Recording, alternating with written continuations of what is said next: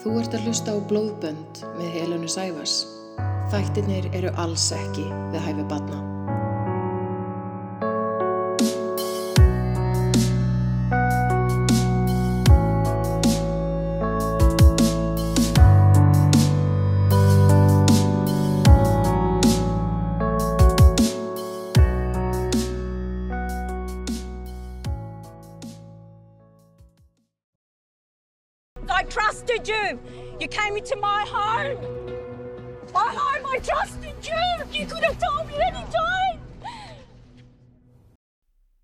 Mánudagurinn 5. ágúst árið 2013 byrjaði eins og ósköp vennilegur dagur hjá Marsten fjölskyldinni í Sydney. Renee Marsten, tvítug falleg kona, bjó í foreldrahúsum og vaknaði um morgunin og fór í vinnuna. Mammenar Teresa Marsten var í eldúsinu þegar Renee kom heim úr vinnunni um hálf þrjúleitið og mammenar sá bara á Renee að eitthvað var að ángrana. Hún var eitthvað annars hugar. Hún var ekki grátandi en hún virtist verið uppnámi. Teresa spurði hana hvort það væri lægi með hana og Renee saði já og svo gekk hún fram hjá eldúsinu og upp stegan í átt að herbygginunar. Teresa fór á eftir henni og kallaði upp stegan að hún væri niðri ef hann langaði til að ræða málin en Renee skellti hörðinni á eftir sér. Stuttu setna fekk Teresa SMS frá Brayton, kærasta Renee. Í því stóð Sort your daughter out, she is threatening to kill herself. Teresu brá þegar hún sá skilabóðin og gekk upp að herbyggi Renee.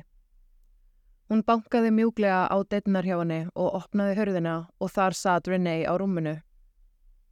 Teresa sast við hliðin á henni og síndi henni skilabóðin. Ætti ég að hafa einhverjar áhyggjur? spurði Teresa. Nei, þetta er bara kæftæði, mamma, svaraði Renee.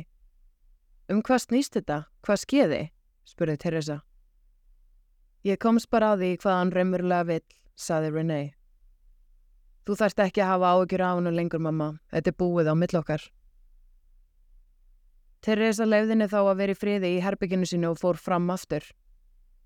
Eftir klukkutíma vildi Teresa kíkja aftur á Renee og opnaði inn í herbyggiðanar þar sem hún satt og var að greiða hárið á sér upp í tagl og var búin að taka af sér málinguna og var að gera sér til aftur.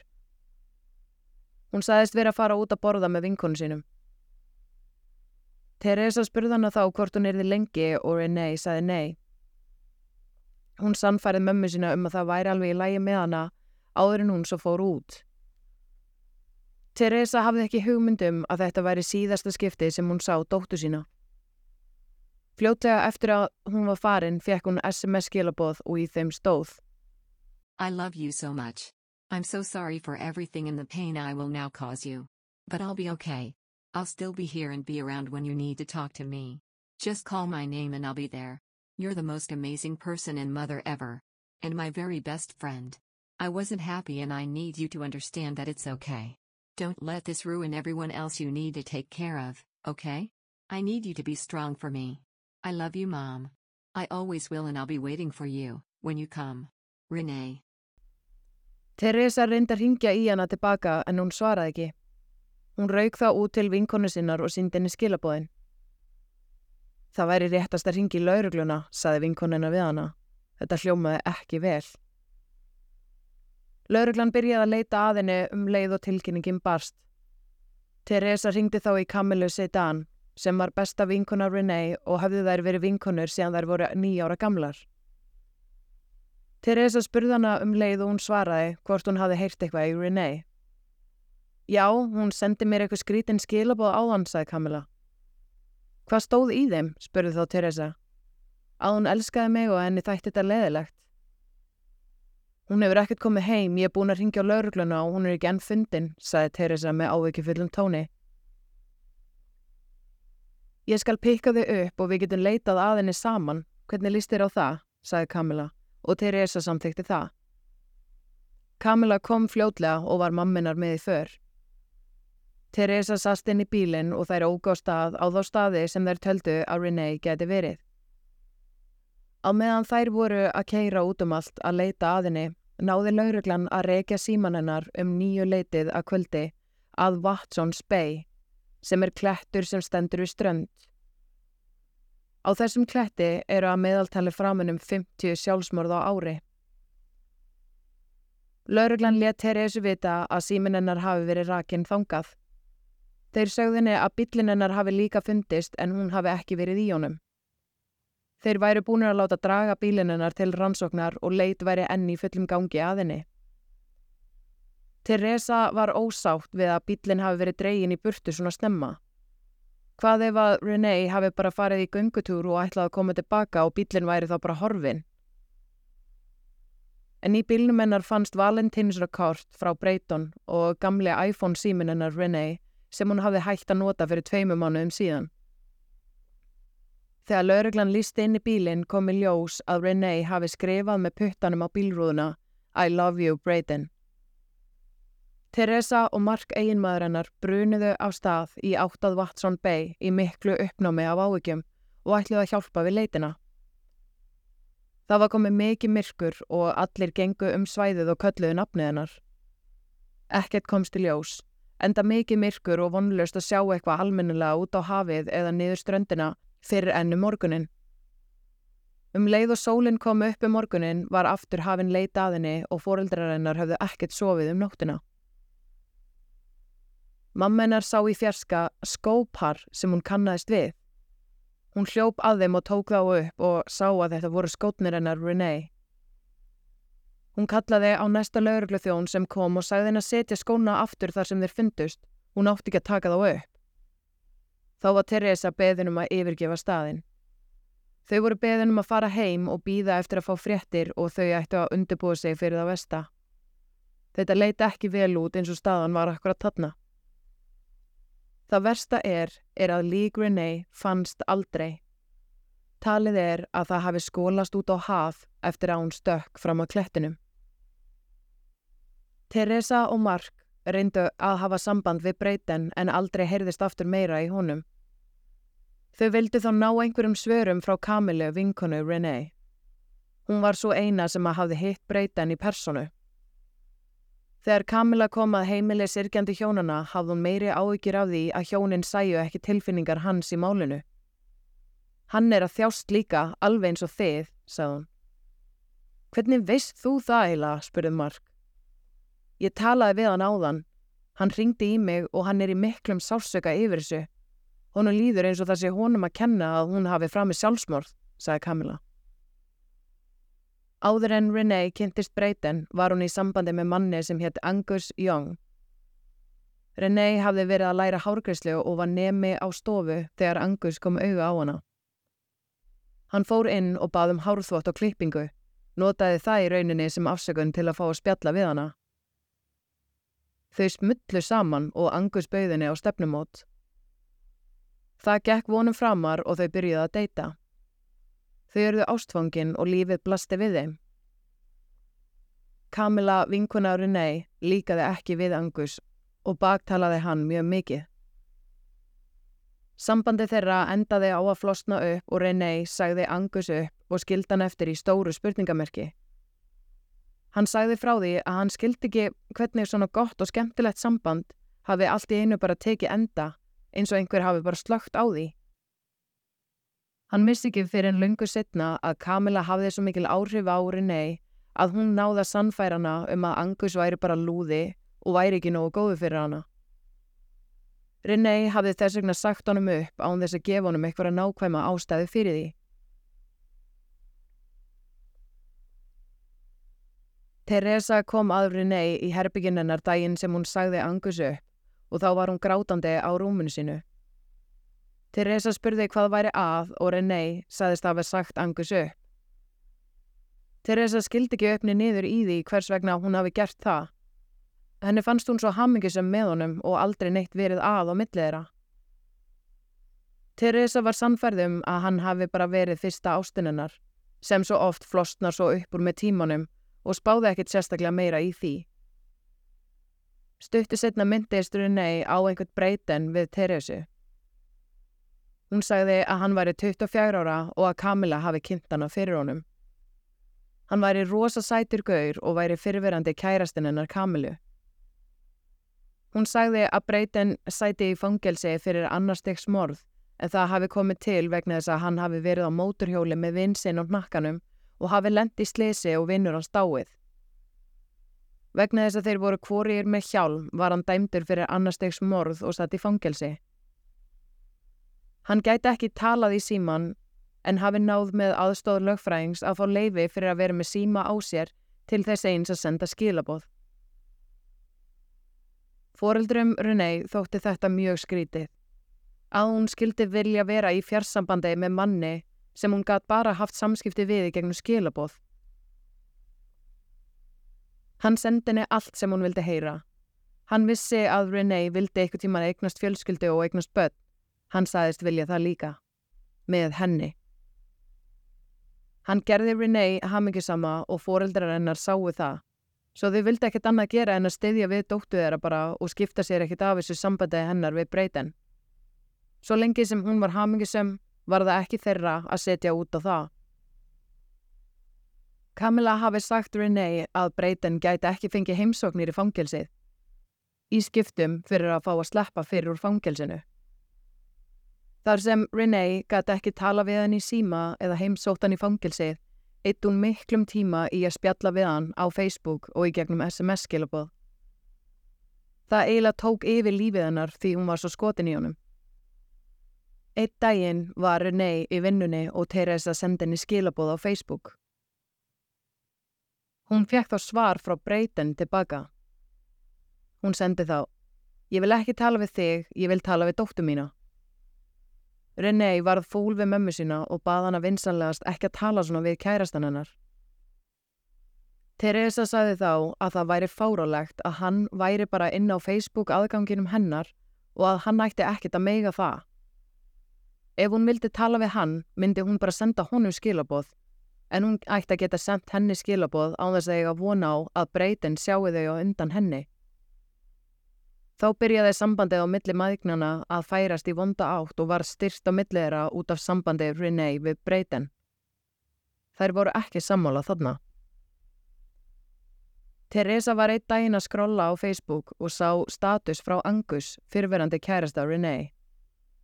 Hún smelti á like því að það var eitthvað fyndið sem hann postaði eða eitthvað þannig og í kjölfarið fekk Teresa skilaboð frá Breyten.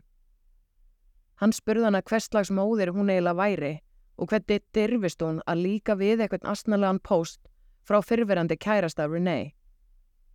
Hann sendi að hún væri óhæf móðir sem kynna ekki að haga sér og hún ætti bara að skamma sín og vanda sér betur. Þetta voru fyrstu skilabóðin sem Teresa fekk frá Breyton og hún hugsaði með sér Hvers konar maður sendir mömmu kærustu sinna svona skilabóð? Eitthvað hlaut bara að vera aðeins sem gaur. Það var augljóst að Breyten var að reyna að brjóta nána sambandið sem Renee átti við foreldra sína með að búa til drama eins og þetta. Teresa ákvað þess vegna að hætta að tala um Breyten eða hafa aðtöðasemdir um hann að nokkru leiti. Hún vildi bara láta Renee eiga sig með honum. Laureglan vildi meina að ekkert væri hægt að gera við símanennar Renee sem fannst í bílnum. Hann væri læstur og þess vegna ekki hægt að komast í skilabóðin. En 13 ára drengur sem var skildur Marsten fjölskyldinni sagði Teresu og Mark að hann geti hjálpað þeim að komast í símanennar Renee sem fannst í bílnum. Hann kunni að niðurhalla forriti sem þau þyrtu að borga 100 dólar fyrir og þá gæti þau fengið öll skilabóðin úr símanum hennar. Þau gerðu það, borguðu fyrir appið og drengurinn gatt skila þeim þúsundum skilabóða úr gamla símanum hennar Renee. Það sem komst í ljós að á þremu mánuðum frá mars til júni árið 2013 voru send 11.000 skilabóð á milli þeirra Brayden og Renee og Kamilu og Renee. Mark byrjaði að rína í skilabóðin. Hann fór að skoða einhver minnstur hvort það væri einhver. Hann skoðaði hvenar dagsskilabóðin voru send og milli hverra þá. Hann tók eftir því að þegar Renee var að senda skilabóð til Kamilu, heyrðist ekkert í breyten og þegar hún var að tala við breyten, heyrðist ekkert í Kamilu. Aldrei var Renee að senda skilabóð til breyten og fær síðan á sama tíma skilabóð frá Kamilu. Skilabóðin voru algjörlega aðeins skilin, alltaf. Hún þótti það mjög undalegt. Hann saði við Teresu, það lítur út fyrir að þau séu sama manneskjan að senda á hana. Mark sendi svo öll skilabóðin til lauruglunar. Fljótlega eftir ringdi lauruglan í Teresu og Mark og tilkynnti þeim að þau hafi haft rétt fyrir sér. Skilabóðin voru send úr sama törni af sama stað og það leit út fyrir að Kamila væri breyten. Á þessu augnabliki komust sirkjandi foreldrar Renee að því að breytin var ekki til og hafði aldrei verið til yfir höfuð. Kamila hafði notað tvo síma. Annar þeirra var hennar personlegi sími og hinn síman notaði hún þegar hún var að leika breytin. Sannleikurinn hafði þá komist í ljós. Kamila hafði haft stjórn á lífi Renee og var að leika sér að tilfinningum hennar og fjölskyldu hennar. Meira segja eftir að Renee var úrskurðu látin eftir sjálfsmorð var hún enn að leika breytin, að segja fjölskyldu Renee að taka tillit til tilfinninga hans líka. Teresa og Mark voru vissum að einhvers konar ákæru væri hægt að grípa í og láta Kamilu bera ábyrð á því sem hún hafi nú gert. En það leit út fyrir að ætla að vera erfiðara en þau heldu. Þar sem yngar sannanir voru fyrir því að Kamila hafi kvart Renee til að fremja sjálfsmorð, hún hafði ekki fjárkúðana eða í rauninni brotin eitt af sér, svo það var ekki hægt að sækja hana til saka fyrir þetta. Í fyrsta sinn var lauruglan á þessu svæði að rannsaka mál eins og þetta og lítið lögjöf var til um þennan málaflokk. Í rauninni var fóreldrum Renee sagt að hún hafi bara átt að vita betur. Aldrei hitt mannin, aldrei séðan eða tala við hann í síma. Lauruglan reyndi að hafa upp á skilabóðunum sem Kamila hafi sendt úr símanum sem hún notaði til að leika breyten en hún var búin að henda þeim úr símanum að mestu leiti. Þá voru skoðaðar myndirnar sem að Kamila hafi sagt til Renee af breyten. Hver var þessi maður? Lauruglan hafði upp á honum. Hann myndi ekkert eftir að hafa séð Kamilu áður, aldrei heyrt nafnið hennar einsunni. Hann hafði ekki tekið neitt þátt í þessum leikarskap. Heldur hafði Kamila bara stólið myndunum hans á netinu til að þykjast vera hann.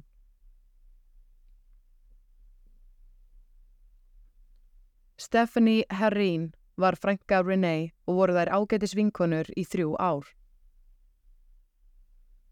Hún sagði frá því að Kamila hafi orðið alveg vittlaus úr afbreyðisemi út í vinkonu samband þeirra og hún hafi bannað Renee að hitta sig.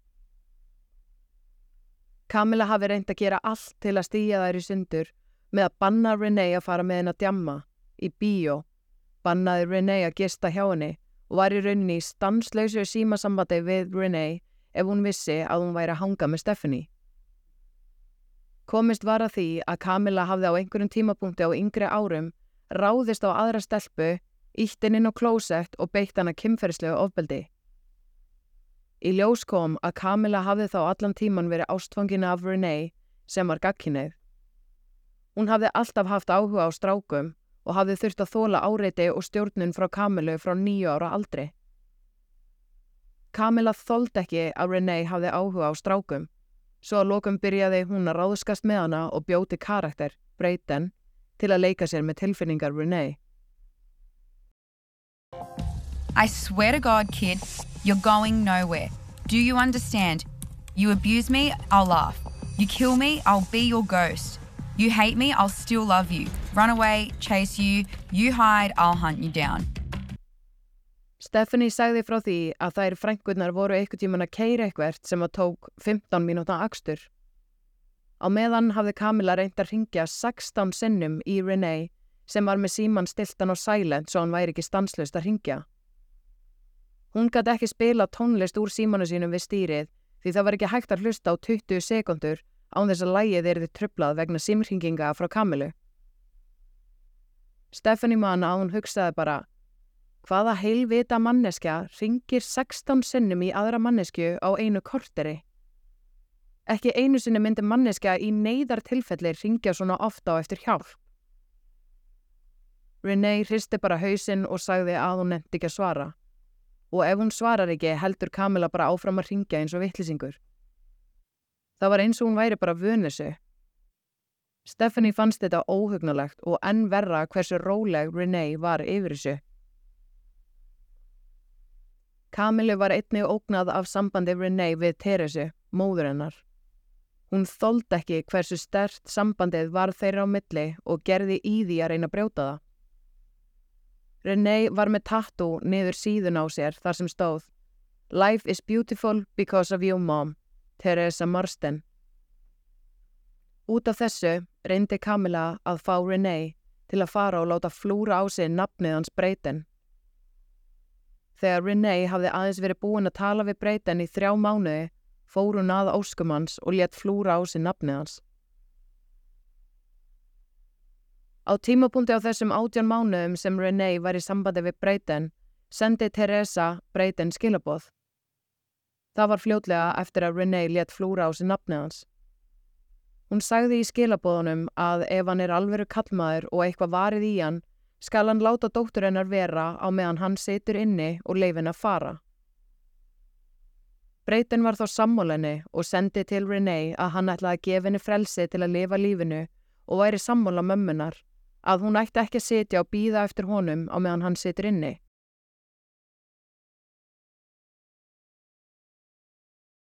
Þá virtist sem Renee væri sátt við það, til að byrja með allavega. Fljótlega eftir þetta eða nokkrum vikum setna segir Renee mömmu sinni að hún hafi heitt strák sem hétt Ian og hún væri frekar skotin í honum. Mamminar var bara ánað með það. Þá hafði Renee greinilega náða að gleima Breyten. En Ian byrjaði svo að fá send skilaboð frá Breyten þar sem hann hótaði honum öllu yllu. Að Renee væri konan hans og hann myndi giftast henni þegar hann losnaði út. Ian talaði við Renee og bað hana að stíga inn í og að losa sig við henn á gaur. Hún gerði það ekki svo það endaði með að Ian gaf henni val. Annað hvort myndi hún losa þau við breyten fyrir fullt og allt eða að hann færi frá henni. Renee kaus að Ian færi frá henni. Hún kaus mannin sem var ekki til. Mannin sem hún hjælt að væri svo ástfangin af henni. Þá byrjuðu þau að senda skilabóð sín á milli aftur. Því nánari sem þau breytan og Renee örðu eftir þetta, byrjaði Renee að slíta sambandennar við Kamilu fyrir alveru. Hún var orðin hundleið á hvernig Kamila stjórnaðinni og stolkaði hana enda laust ef hún var ekki með henni alla daga alltaf. Hún vildi enda vináttu þeirra á milli. Þegar Kamila fór til bandaríkina í frí, ákvað Renee að gera allt sem í hennar valdi stæði til að losna við hana. Á sama tíma sagðist Breyten vera að fara fyrir dómi og erði mögulega sleft eftir tvo mánu. Renee sagði Teresu frá öllu ofbeldinu og kúuninu sem hún varð fyrir af hendi Kamilu í fyrsta sinn. Teresa var í sjokki þegar hún heyrði hverja söguna á fætur annari af því hvernig Kamila let við hana. Renee sagðist hafa gefist alveg upp á Kamilu þegar hún var að keira með Kamilu í framsætinu. Það hafði eitthvað fókið í Kamilu og hún hafi kift í stýrið og í hárið á henni í þeim tilgangi að drepa hana í bílslisi. Renee sagði við mömmu sína að hún væri búin að enda vináttuna þeirra á milli og hún ætlaði aldrei að tala við hana aftur. Taka henni aftur eða treyst henni aftur. Mammina spurði þá af hverju hún hafi valið að gera þetta meðan hún væri svona langt í burtu. Þá hafi Renee sagt að hún gerði það svo Camilla gæti ekki meilt hana aftur. Í herberginu hennar Renee fannst ástabref til Breyten sem hún átti eftir að senda. Partur úr því hljómaði svona. My beautiful boy, I have finally let Camilla go for good, and I feel so much better about it now. I can't be without you, baby. You're my rock, my hero, my everything. Á meðan Camilla var í bandaríkjunum hafði hún ekki aðgang lengur að Renee. Hún var búin að blokka hana á öllum miðlum og símanúmer hennar. Camilla hafði þess vegna bara aðgengi að Renee í hlutverki Breyten. Renee trúði því að Breyten erði fljótlega sleft og var farin að hugsa um og skipulegja brúðköpið þeirra. Allt breyttist hins vegar eftir að Camilla kom tilbaka úr fríinu. Eitt daginn fekk Renee skilaboð frá Breyten og í þeim stóð I think I need a break and so do you. Dæin sem Renee tók sitt eigi líf hafði Brayden eða nánar tiltekki Camilla sendt henni 92 skilaboð. Aldrei var náð að fá þau skilaboð tilbaka sem Camilla hafi losað úr símanum sem hún notaði sem Brayden. Það hefði mögulega varpað betra ljósi á hvaða var sem ítti Renee út af brúninni því eitthvað hefur farið á milliðra sem fjekk Kamilu til að senda Teresu skilabóðin frá Brayden þegar hún sendi Sort your daughter out, she's threatening to kill herself. Kamila hefði í rauninni geta sagt sannleikan þennan dag og mögulega bjargað lífi Renee í leiðinni, en hún kaus að halda líginni gangandi áfram. Tveimur dögum eftir að Renee hafi framið sjálfsmorð kom Kamila til Teresu og sagði henni mjög líka sögu af því hversu stjórnsum og ofbeldisneigð Renee hafi verið. Hún speklaði í rauninni það sem að Renee hafi sagt henni um Kamilu og hvernig hún létt. Teresa átti ekki til eitt orð. Að Kamila skildi dirfast að koma inn á hennar heimili og út húða dótturinnar sem hafði aðeins verið dáin í tvo daga. Hún vísaði henni á dyr og saði henni að drulla sér út. Þegar kom að því að dæma í málinu fjekk Kamila það í gegn að hún er það ekki ákjærð fyrir neitt svo lengi sem hún myndi tala um hvað skeiði í dómsalunum. Í staðin fyrir að segja satt og rétt frá ákvað hún að bylla upp aðra sögu. Hún í alveru vildi meina það að hún og Renee hefðu í saminningu búið til karakterinn Brayton því Renee hafi verið samkynneið og vildi ekki koma út úr skápnum. Hún sagði að Renee hafi verið full meðvitið um að Brayton hafi ekki verið til og hafi leikið með í þessu leikriti til að fela hver hún var í raun og veru. Hún hafi verið svo hrætt um viðbröð móðurennar og annara fjölskyldumæðlema. We were never going to be accepted. She wasn't allowed to be around me. We made the character that way. She was allowed to see me, the 27 year old told the inquest.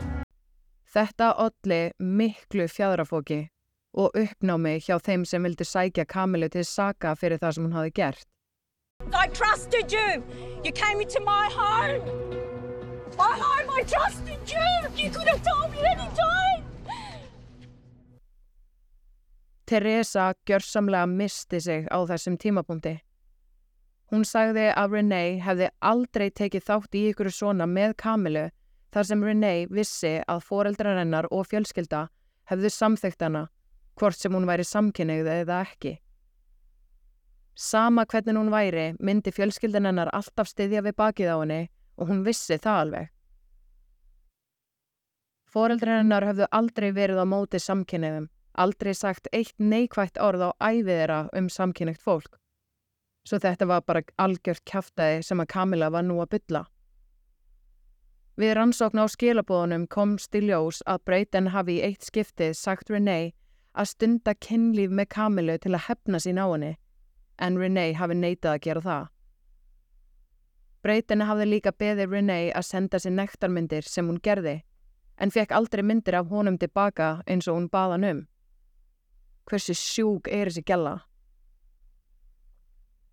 Luke Marsden er yngri bróðir Renee og er hjartað hans í mólum eftir að sýstir hans tók sitt eigi líf vegna klikkaðrar fölsku vinkonunnar.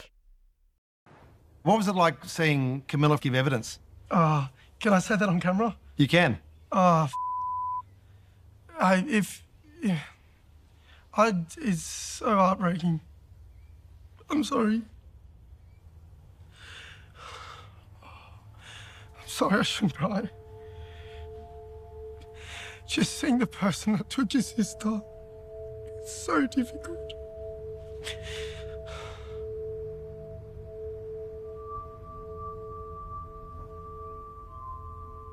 She didn't deserve it.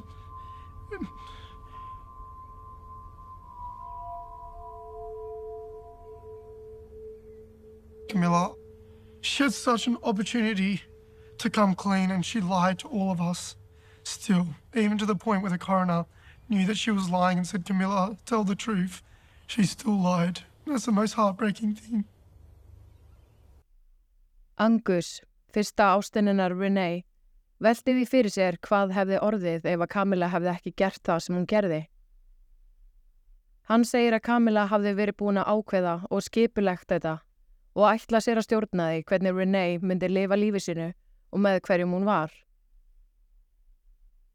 Í dag er Camilla frjálskona og á eiginmann og tvei börn. Hún þurfti aldrei að bera ábyrð á gjörður sínum. Heldur reikspóla hún bara í burtu og hjælt áfram að lifa sínu lífi. Hún flutti ekki eins og í burtu. Teresa og Mark sjá hana bregða fyrir í matveruverslunum og hitt hana oft alveg óvart og þurfa þá að horfa upp á manneskuna sem að átti sökina af því að dóttu þeirra tóka í líf.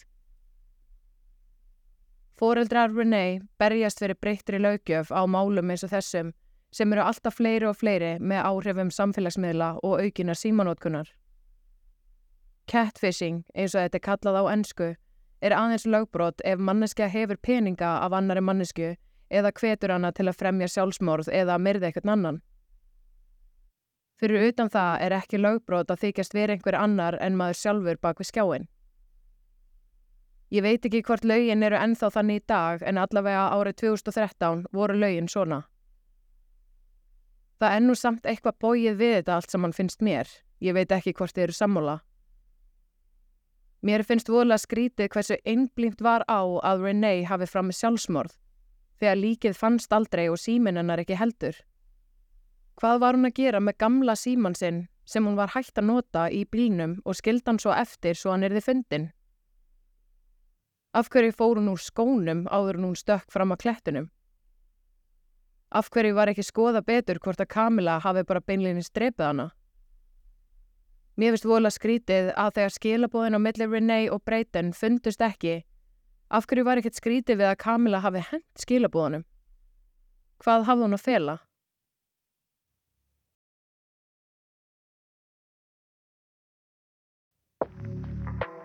Þá er komið að lokum í dag. Vá, ég hef aldrei heyrt um sögu eins og þessa. Ég get ekki ímynda mér hvernig fjölskyldur Renee líður og hvort þið muni eitthvað tíman geta komist yfir reyðina sem fylgir því að hafa mest Renee úr lífið þeirra út af þessari konu. Munum að vera góð við hvort annað og heyrumst í næsta þætti. Þá getur næst, góða stundir.